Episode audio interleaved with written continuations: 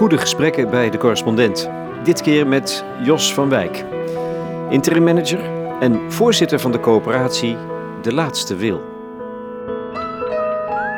Ja, ik, het valt mij ook altijd wel op. Ze zijn behoorlijk actief. Uh, sommige, als je op de YouTube-kanaal van ons kijkt ook, dan zie je, dan zie je een soort van afspiegeling van de geschiedenis van mensen die uit de basis- en eigen buikbeweging, abortuswetgeving zijn gekomen of in die mondigheidsontwikkeling zich gegaan. Dat is heel leuk om te zien. Ehm, maar er zijn ook veel mensen die ons wel bellen. De, die, of een brief sturen van uh, geacht bestuur of beste Gert of beste Jos.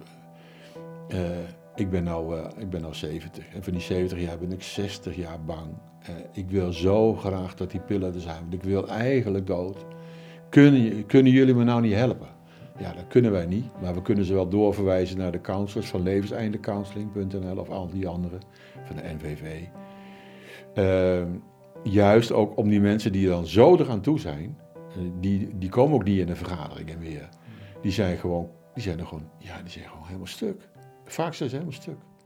Er, zijn, er was iemand, niet zo gek lang geleden, eh, die schreef, werkelijk al zijn bezwaarschriften en al zijn De coöperatie Laatste Wil bestaat uit volwassen mensen, zo lees ik op een website, die van mening zijn dat zij, als zij hun leven voltooid vinden, op een waardige manier onder eigen regie hun leven moeten kunnen beëindigen, zonder een beoordeling van een dokter of wie dan ook. De discussie hierover is gestart in 1991 door de rechter Huip Drion. Hij was toen 74 en publiceerde een geruchtmakend opiniestuk in NRC Handelsblad. Tien jaar later zei hij erover tegen Hans Trompetter. Ik ben ertoe gekomen eigenlijk door een incidentele gebeurtenis, een gesprek met mijn oudere, een stuk oudere eh, schoonzuster. Eh, die, wat ik helemaal niet van haar verwacht had, weduwe was. En maar, die zei, Huip, wat ik zou willen hebben is een pil, als ik hier niet meer kan wonen waar ik woon, gewoon een ding, dan niet ergens in het huis moeten eh, komen. Dus ik heb het gewoon denk ik precies zo over. Maar goed, en dat was het gesprek. En toen ben ik er thuis gekomen, nog meer over gaan denken. En dacht, god, ga, het op papier zetten. En ja, het is een hele delicate materie natuurlijk, je heel gauw mensen mee kwetst, kwetst ook. Uh, dus ik ben er vrij lang mee bezig geweest. Maar heb het toen dus een heel gezonde stukje aan de NRC opgestuurd. En niet verwachtend dat het veel meer respons zou hebben dan je mocht aannemen. Had het niet ook te maken met uw positie in de maatschappij? U, bent, u was hoogleraar bestuur, zegt u was nou ja, vicepresident dat wist men niet, denk ik. Maar de, de NRC had onder, en niet op mijn wens, onder het stuk gezet... oud-vicepresident van de Hoge Raad. Dus dat is natuurlijk, speelt daar mee... oh, dit zal wel geen, geen ordinaire schoft zijn. De middelen om op een humane manier je leven te beëindigen zijn er, we zijn nu 25 jaar verder, nog steeds niet. Bij de coöperatie De Laatste Wil zoeken de leden naar legale mogelijkheden om ze toch beschikbaar te maken. Voorzitter Jos van Wijk is 68. Hij is net gepensioneerd als interim manager en hij is ook net 40 kilo afgevallen en volgens mij nog lang niet levensmoe. We beginnen met een lach. nee, ik zit, volop, ik zit volop in de running. Het is vreselijk, man. Ik heb het zo druk. Ja. Er zijn weken dat Jannie, mevrouw, zegt van joh, eh, ik heb je bijna niet gezien van de week. Ik ben zo, en, en het is voor een heel groot gedeelte vrijwilligerswerk. Eerlijk is eerlijk, de coöperatie is wel heel veel werk op het moment. Maar ik heb nog een paar andere dingen en ik heb een klein beetje betaald werk. En dat, uh, ja, ik vind, ik bedoel, ik kan ook niet anders, laat wel wezen. Nee, je kan niet anders? Nee, ik kan niet anders. Ik kan alleen maar gewoon druk bezig zijn. Hoe komt dat? Houd er toch mee op. Nee, dat zou ik me vervelen. Dan zou ik het gevoel hebben dat ik niet nuttiger meer ben. Dat, eh, dat, dat, is, het, dat volgens mij het diepste, ja. En ik heb, ik heb werkelijk, eh, ik ben nou inderdaad enorm afgevallen. Dat heb ik ook gedaan omdat ik denk, ik wil niet met gewrichte toestanden lopen te doen in mijn laatste jaren. En ook niet met een rollator of met zo'n scootmobiel. Heel bewust ben ik ook echt zoveel afgevallen om te denken van, nou, dan heeft mijn lijf het in ieder geval een stukje makkelijker. Nou, en mijn geest die haalt het wel. Dus uh, samen komen we een heel eind. Hey, er ligt hier een boek op tafel dat je hebt geschreven als interim manager over je ervaringen. Ja. Uh, fluitend naar mijn werk. Wat was, jouw, wat was jij voor interim manager? Uh, ik kon over het algemeen, als ik ergens binnenkwam, ik zat bijna altijd in maatschappelijke domeinen. Hm. wonen, werken, scholing. Uh, en de commerciële was niet zo mijn ding. En ehm, dan kwam je ergens binnen en over het algemeen vond ik dat ik ergens binnenkwam waar ze het contact met hun klanten, met hun omgeving, met hun bestaansrecht eigenlijk waren kwijtgeraakt. En dan was mijn opdracht, vond ik zelf altijd, van hoe zorg ik er nou voor dat ze dat contact weer terugvinden, dat ze dat kunnen gaan herstellen. En uh, dat gaat heel vlug. Door, met een dag of drie, vier heb je in de gaten waar het over gaat. Ja, je hebt het altijd meteen in de gaten, toch? Even als buitenstaander. Ja.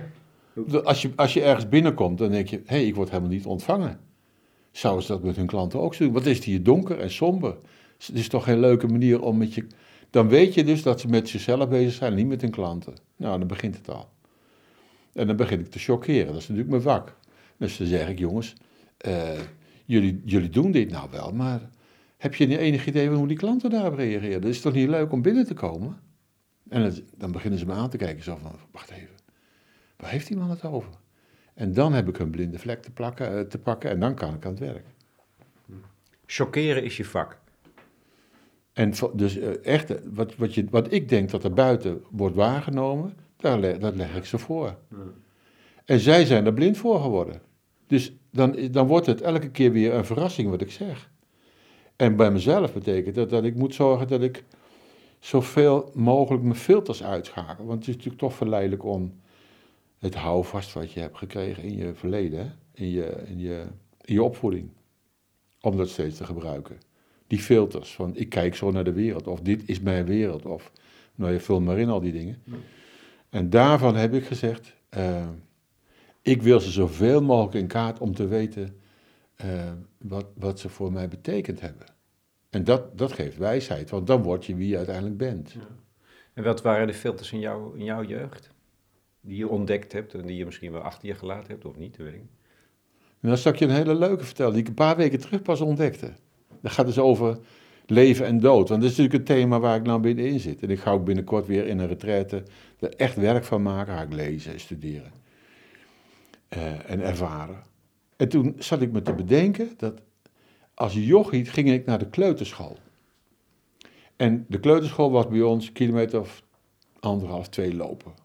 Of met fietsje. Maar ik was dus vier tot zes jaar, want toen ging ik van die school af. Waar was het? In Dodewaard, in de Betuwe. En ik had, uh, uh, kwam langs een kerk, met een kerkhof, en daar keek ik altijd. Want mijn oma had me gezegd, als je pikt, groeit je hand boven je graf. En dat wou ik wel eens zien. Ik denk, ik kan toch niet de enige zijn die wel eens iets wil pikken. En ik had nog nooit ergens een hand boven het graf zien groeien. Dus, en toen begon het eigenlijk, die, een soort van interesse, een fascinatie kun je het nog niet noemen, maar wel een interesse in graven, in dooien. In, nou, wat, wat, wat betekent dat nou? En later ontdek je dan, dat gaat ook vrij snel, dat er heel weinig handen boven het graf groeien. Hmm. Dus dat allemaal nog een meevalt. Maar ja, het, het zaadje was wel geplant. Goed, interessant is dat je dus eh, gaandeweg al die filters, zoals je gevormd bent door anderen, dat je die ook weer af wil leggen. Dat is een lastig proces. Ik heb, ik heb ook een opleiding toegepaste psychologie gedaan van een jaar of wat. Vier. Maar, en dat is eigenlijk via therapie. Hmm.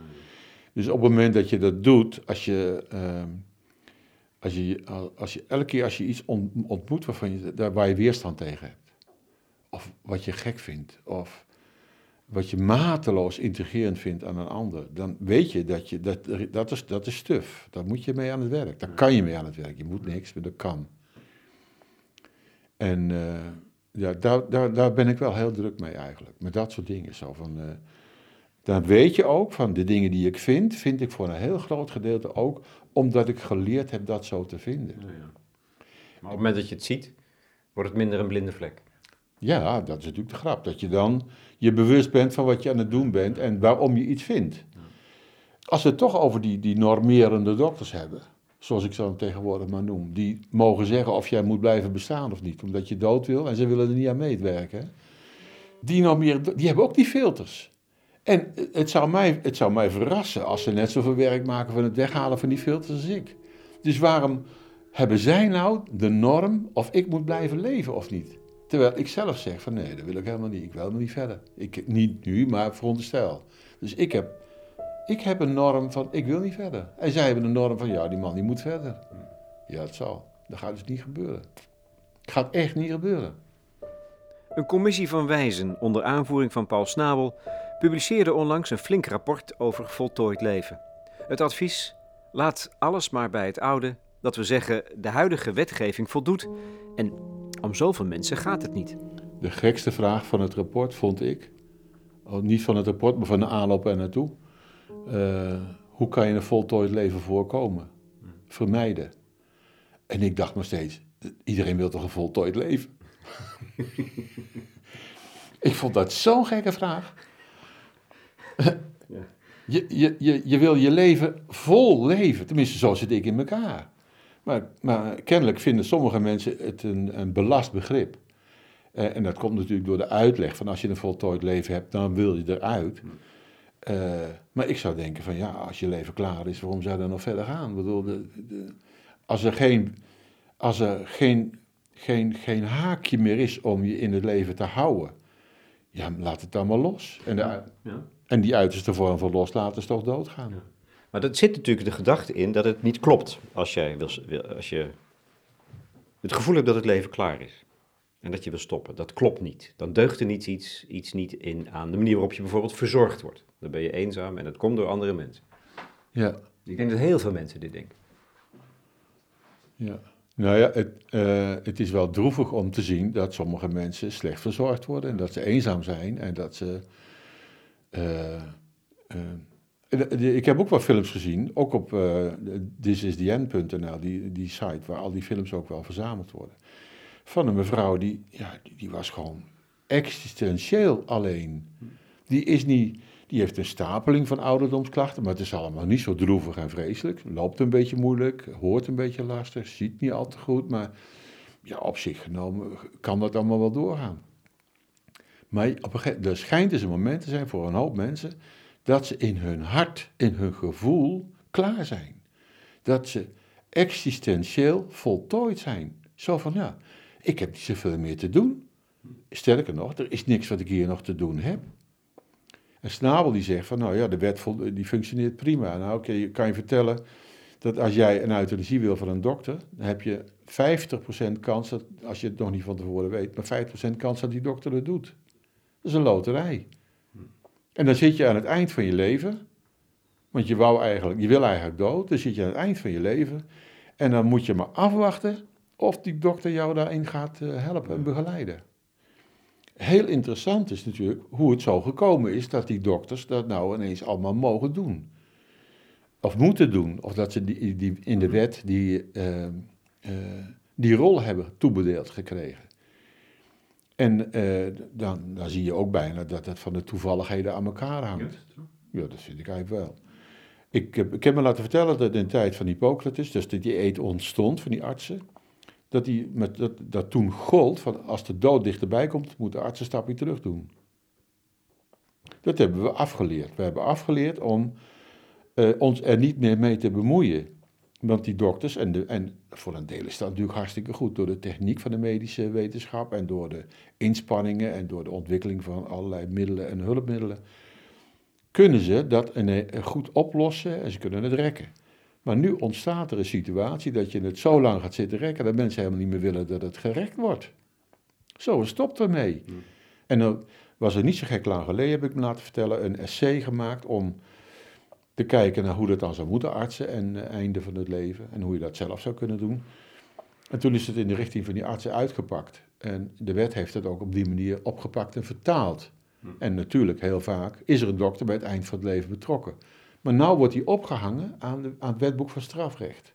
Als hij het niet goed doet, hij houdt, houdt zich niet aan de zorgvuldigheidscriteria van die wet. Uh, kort gezegd de euthanasiewet, als hij zich daar niet aan houdt, als hij niet aan die zorgvuldigheidscriteria houdt, dan loopt hij dus het recht dat hij de bak in gaat. Hetzelfde risico lopen wij van de, van de coöperatie trouwens ook. Ik zeg wel eens tegen de mensen, ja, als ik mijn werk goed doe, dan komen jullie in de hemel en ik in de cel. En dat ga ik eigenlijk, ga ik niet doen. Maar dat betekent zoveel, zoveel druk, uh, zoveel juridische druk zit op dat hele proces. Maar er zijn maatschappelijke processen die heel langzaam de richting op gaan van, ja jongens, die snabel, die kan wel, die kan maar wat. Zo zitten wij er ook in. Die snabel, die snapt er echt helemaal niks van.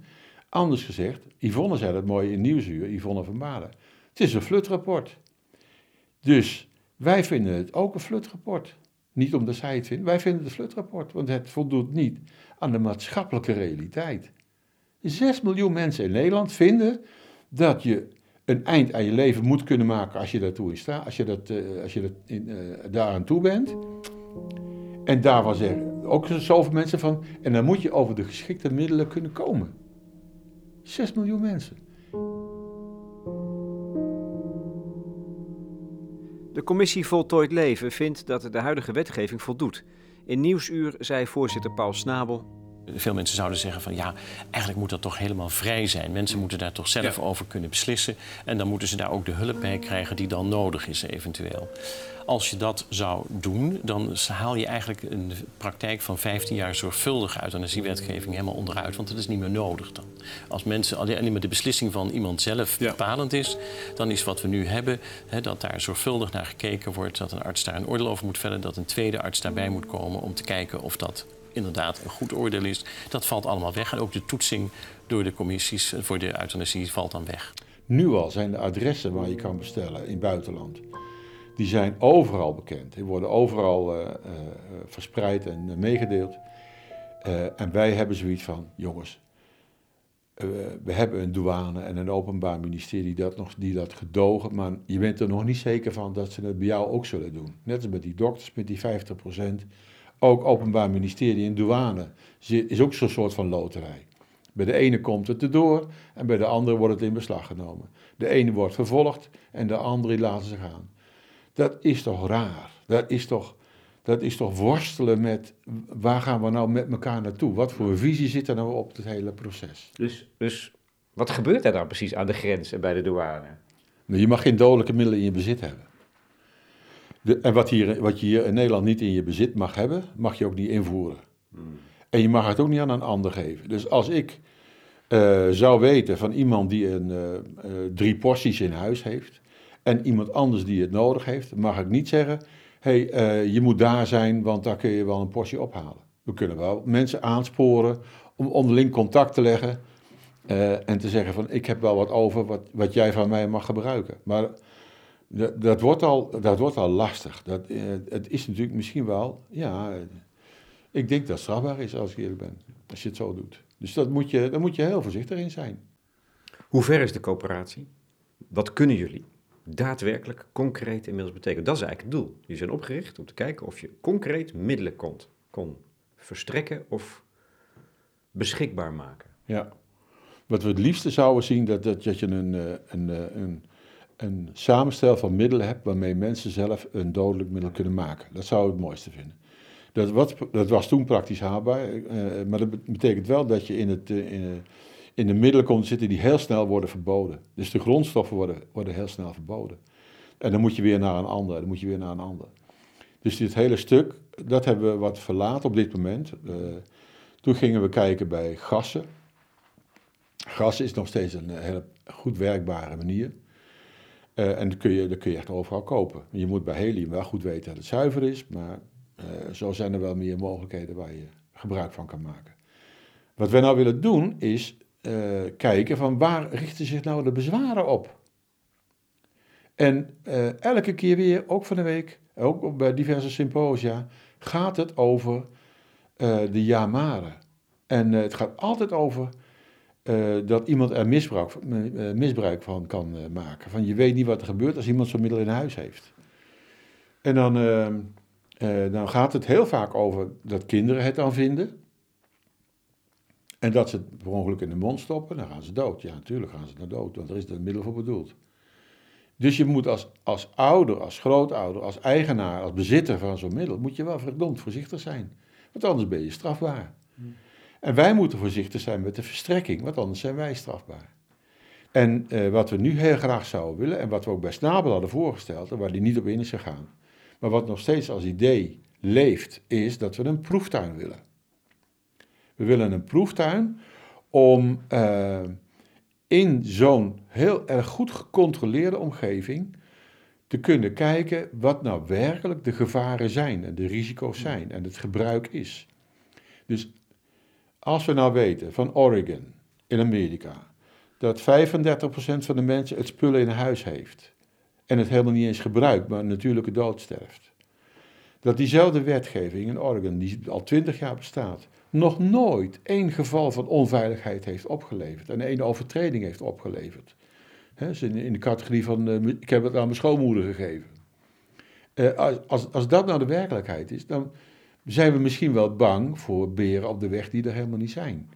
Dus laten we nou eens kijken, als je voor de leden van de coöperatie een gecontroleerde proef zou doen met de verstrekking van zo'n middel, en het ministerie is erbij betrokken, en de inspectie is erbij betrokken, en het bureau geneesmiddelen, registratie is erbij betrokken, en het openbaar ministerie.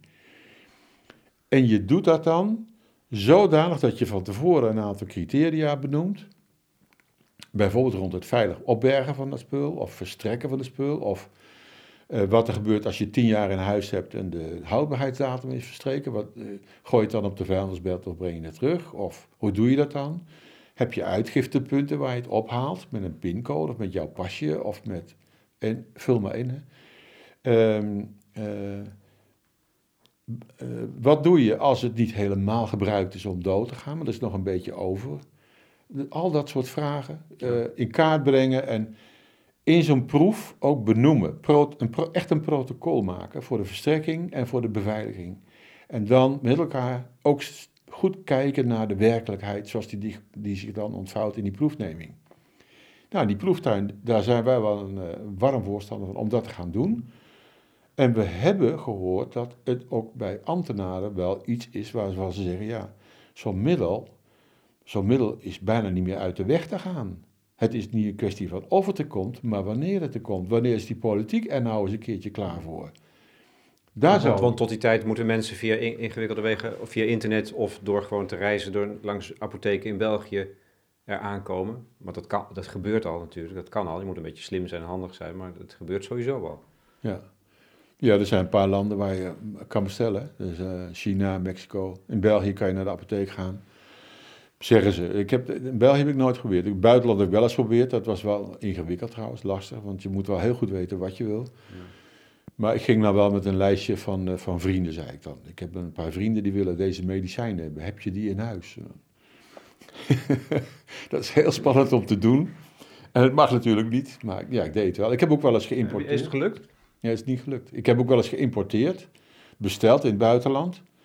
En voordat ik het wist, zat ik op een phishing site. Dat ging dus echt mis. En dat was een site die precies was wat de echte site was, alleen een verkeerd e-mailadres. Dus ik werd erin geluisterd. En de andere was dat ik besteld had en dat het door de douane in beslag werd genomen. Toen kreeg ik ook zo'n briefje van meneer Verwijk. Uh, uh, u krijgt het niet, want uh, u, u voert iets in wat niet mag. Maar heel onhandig van jou, want andere mensen lukt het wel en jou niet. Komisch bijna. Ja, ja. Terwijl je een, een expert bent van, van hier tot Gunder. Ik, ik heb het flauwe vermoeden dat er een soort van lijstje bestaat van... Uh, van oh, die mensen moeten we wat extra in de gaten houden misschien. Maar goed, ambtenaren zijn al zover dat ze denken, ah, het komt er toch wel. Dus die beginnen ook te schuiven in hun denken. Biedt dat ruimte voor... Hoe, hoe groot acht jij de kans dat die proeftuin bij de coöperatie De Laatste Wil er ook echt komt? Maar grote genoegen zijn we zeer onlangs benaderd door een Eerste Kamerlid die, die wil weten hoe het zit. En uh, contacten met andere Kamerleden, Tweede Kamerleden, die uh, resultaat beginnen te krijgen. En Snabel heeft een onbedoeld effect. Namelijk dat iedereen zo op, op zijn achterste poten staat van de onvolledigheid van die rapportage en de, en de, de terugslag die daarin verwoord wordt. Dat ze zeggen, ja, maar dit kan natuurlijk niet meer. Ik heb zelf helemaal niet het woord zelfbeschikking gebruikt, maar eh, ik heb het meer van de andere kant benadrukt. Wat voor recht heeft de overheid om oude mensen onmogelijk te maken op een behoorlijke, fatsoenlijke manier een eind aan hun leven te maken dan door zich op te hangen of voor een trein te springen of, eh, eh, van een balkon te springen. Wat voor, waar is de rechtvaardiging voor de overheid om dat aan oudere mensen te zeggen: ik, ik, ik uh, wijs je toe die mogelijkheden, laat toe die mogelijkheden, maar die zijn afschuwelijk. Maar een, fatsoenlijke mogelijkheid die best in onze samenleving voor jou zou te krijgen, die krijg je lekker niet.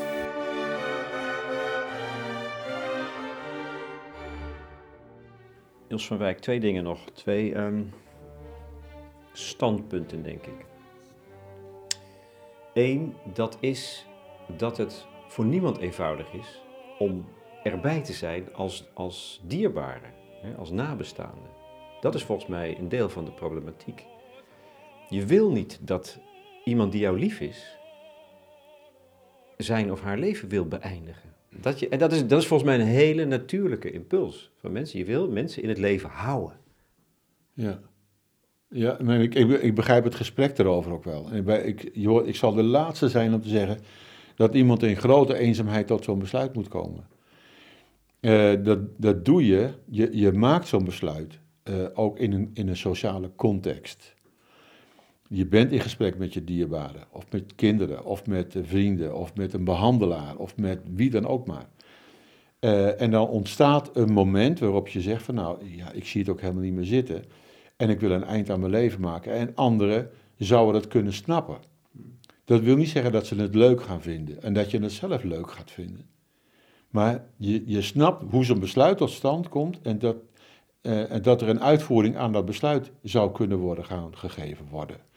Het gaat er vooral ook om dat nu word je als, als, als dierbare gecriminaliseerd als je erbij bent. Want er komt, voordat je het weet, is de officier van justitie met de partij politie over de vloer en word je urenlang verhoord van wat heb je nou precies gedaan. Daar wil ik ook vanaf. Maar moet je je niet als dierbare tot het uiterste verzetten? Heb je niet die plicht? Je, natuurlijk ben je in gesprek en dat je het, uh, dat je het rampzalig vindt, dat je het uiterst verdrietig vindt, dat je niet aan moet denken om zonder die ander door te moeten, verder te moeten. Maar je merkt dan aan de reactie van degene die dood wil, dat het geen geintje is. En dan heb je het maar te accepteren. En dan kun je het nog een keer proberen. Maar dan nog, met die reactie, moet je het accepteren. Er is, er is geen ontkomen aan. Niemand gaat over jouw leven. Nou ja, dat, en dat is dan de tweede. We hebben het altijd over praktische dingen. De ja-maar gedachte, de juridisering, de medicalisering. Maar bij jou speelt er, en met de, de mensen die zich verzameld hebben bij de coöperatie nog iets, nog iets fundamentelers, denk ik. En dat ligt er altijd aan te grondslag. Dat je als mens werkelijk de, de, de, de autonoom bent. de autonomie zit hem erin dat je alles afwegend tot een beslissing komt. En, uh, en, die, en die maak je alleen maar zelf. Want niemand anders kan voor jou beslissen dat je moet blijven leven. Tenminste, in de manier waarop wij er naar kijken. Maar hoe zie je dat dan? Hoe is, hoe is jouw levensvisie dan ontstaan met alles wat je, dat hele parcours dat je hebt afgelegd? Vanaf dat bezoek aan het, of het kijken naar het kerkhof, of daar niet een handje boven het graf uh, uitstak, op advies van je grootmoeder. Hoe zie jij jezelf staan in het leven? Ben je er niet onderdeel van en moet je dat leven zijn werk laten doen? Ben je, zijn wij als mens oppermachtig? Nee, eh, als het gaat over lijden, uh, want eigenlijk nee, het gaat over leven. Voor mij over fundamenteel. Wat, wat is nou, hoe kan jij mij uitleggen dat ik het recht heb om mijn leven te beëindigen? Um, op het moment dat je. Nou, in mijn filosofie gaat het vooral over het wegnemen van weerstand. En de uiterste weerstand is doodgaan. Dan, dan, ga je, dan laat je alles, uh, alle weerstand gaan. En daarvoor ben je als persoon voortdurend bezig met het wegnemen van weerstanden. En, dat, uh, een, weerstand in je omgaan met andere mensen. Waardoor datgene wat jou belemmert om vol liefde in het leven te zijn, uh, langzaam oplost. Dat je echt vol liefde en vol ja, overgave van het leven kan genieten. En van andere mensen kan genieten. Maar op momenten dat je dat, je dat ten volle kan, is er ook geen noodzaak meer om in dit leven te zijn. Want dan, dan ben je immers volledig in liefde. En volledige liefde zijn. Dus compleet onthecht zijn. En dan mag je dood. Dan mag je dood, want is, dan is de aanleiding weg. Dat is heel, dat is heel natuurlijk. Zo. Dat, is dan, dat past daar in die. Als je zo door het leven gaat, past dat daarbij? Ja, dat is voor mij de natuurlijke weg. Ja. ja. ja het klinkt zo eenvoudig. Het is een van de moeilijkste dingen die er is. Om met liefde en overgave te leven. Dat is, een, dat is, dat is echt de menselijke opgave. En hoe ver ben je dan nu? Het schiet lekker op, maar er is nog genoeg werk over. Komt je vrouw nu net thuis. Ja. Dag. We zijn bijna aan het einde van dit gesprek althans. Ja. Als je echt volledig leeft, dan ben je ook onthecht. Dat is best moeilijk te begrijpen. Ja. En uh, elke keer kom je er weer achter dat er weer iets anders is waardoor het niet helemaal lukt. Uh, of dat nou gehecht zijn is, of haat, of te veel overdreven houden van. Want je moet altijd weer kijken naar de maat waarin. Zit je nou in een evenwichtige verhouding tot al die begrippen om je heen, tot al die aspecten van het leven om je heen? Of uh, is er iets van verzet of een bovenmatige aan, aantrekkingskracht, een soort van begeerte, iets graag willen? Zolang dat er is, uh, het is een, een beetje boeddhistisch-achtig is dit ingestoken, maar ehm, zolang dat er is, is er werk. Voor de persoon is er werk om, om die weerstand weg te nemen, om af te leggen. En, ja, zolang je dat niet allemaal hebt afgelegd, moet je even door nog. Dus neem alle weerstand weg en dan wordt die laatste weerstand namelijk van de dood ook makkelijk. Ja, dat is hem wel, dat is hem wel. En, uh, uh, en dat is een van de moeilijkste dingen die er uh, volgens mij te doen is. Ja. Denk je dat je het makkelijk gaat vinden om te sterven? ik weet het niet. Of de nieuwsgierigheid het wint van de weerstand, dat weet ik niet. Dat zou zomaar het hangt ook een beetje van het moment af, denk ik. Ik weet het, ik, ik heb geen idee. Nu nog niet, in ieder geval. Ik heb veel te veel te doen.